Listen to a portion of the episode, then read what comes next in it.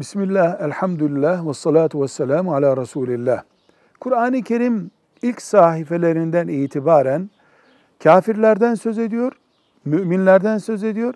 Bir de ara bir kavram gibi münafıklardan söz ediyor. Münafıklar Müslüman olduğunu söyleyen ama aslında Müslüman olmayan kimselerdir. Onlar Peygamber Efendimiz sallallahu aleyhi ve sellemin toplumunda da vardılar. Kur'an-ı Kerim var diyor zaten. Bunları ayıklamak da mümkün değildir.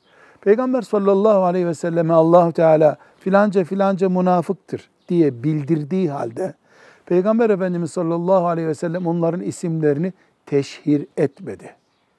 Dolayısıyla münafıklık kıyamete kadar bilhassa İslam'ın devlet bazında güçlü olduğu, Müslüman toplumun güçlü, dinamiklerinin güçlü olduğu bir zamanda muhakkak münafıklık var olacaktır. Ama biz şu münafıktır, bu münafıktır değildir deme hakkına hiçbir zaman sahip olmayacağız. Münafıklık hep var olacak ama kimin münafık olduğunu Allah bilecek ve cezasını kıyamet günü kafirlerden daha ağır bir ceza olarak o verecek. Biz sadece münafık olmaktan Allah'a sığınacağız. Velhamdülillahi Rabbil Alemin.